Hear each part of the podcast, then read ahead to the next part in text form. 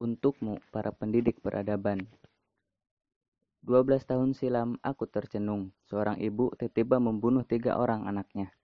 Dalam nanarnya, ia berbagi alasan kepadaku.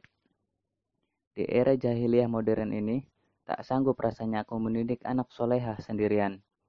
Ketika ayahnya tak terlibat. Daripada kelak ia menjadi ahli neraka, lebih baik aku bunuh mereka kalau masih menjadi bocah. Biarlah ibunya ini yang masuk neraka. Aku terhenyak bertanya dalam hati, perlukah ayah mendidik anaknya?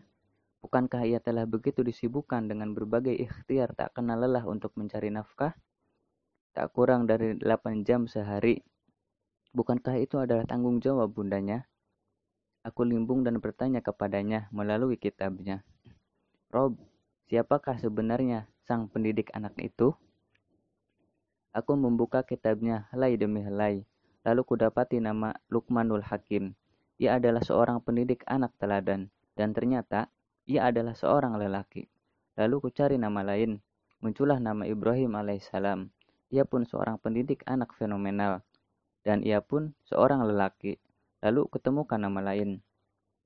Yaitu Imron. Ia adalah seorang pendidik anak. Dan ternyata ia pun adalah seorang lelaki. Lalu aku pun menemukan nama Yakub, Zakaria, dan ternyata semuanya adalah lelaki. Ah, ternyata aku keliru selama ini. Ternyata sang pendidik anak itu adalah ayah. Karena dia adalah sang pemimpin, sosok yang ucapannya didengarkan, perilakunya diikuti, dan bahkan isi dompetnya dapat membuat si isi rumah taat kepadanya. Ia tak banyak bicara, tapi lebih banyak didengar.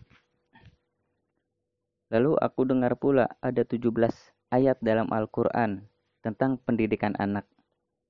Ternyata 14 di antaranya dilakoni oleh para ayah. Hanya tiga yang dilakoni oleh bundanya atau keduanya.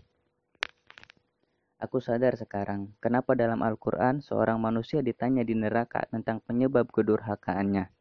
Lalu ia berkata, aku hanya ikuti ayahku, sehingga Allah murka. Apakah engkau tetap akan ikuti ayahmu walau ia tak berakal dan tak berpengetahuan?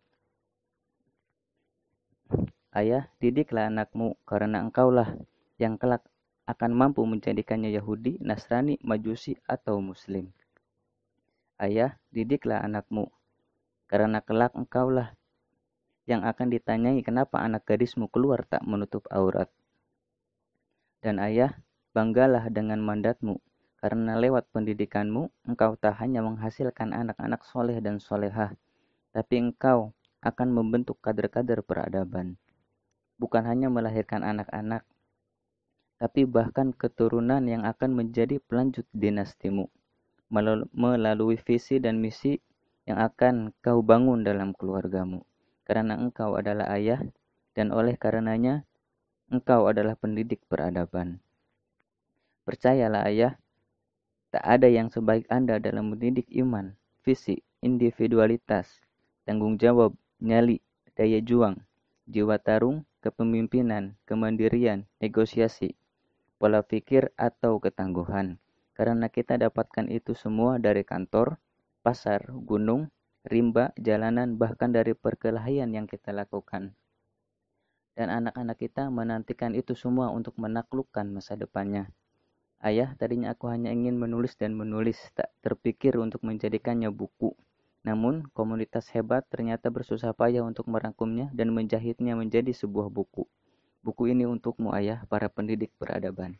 Adriano Rusfi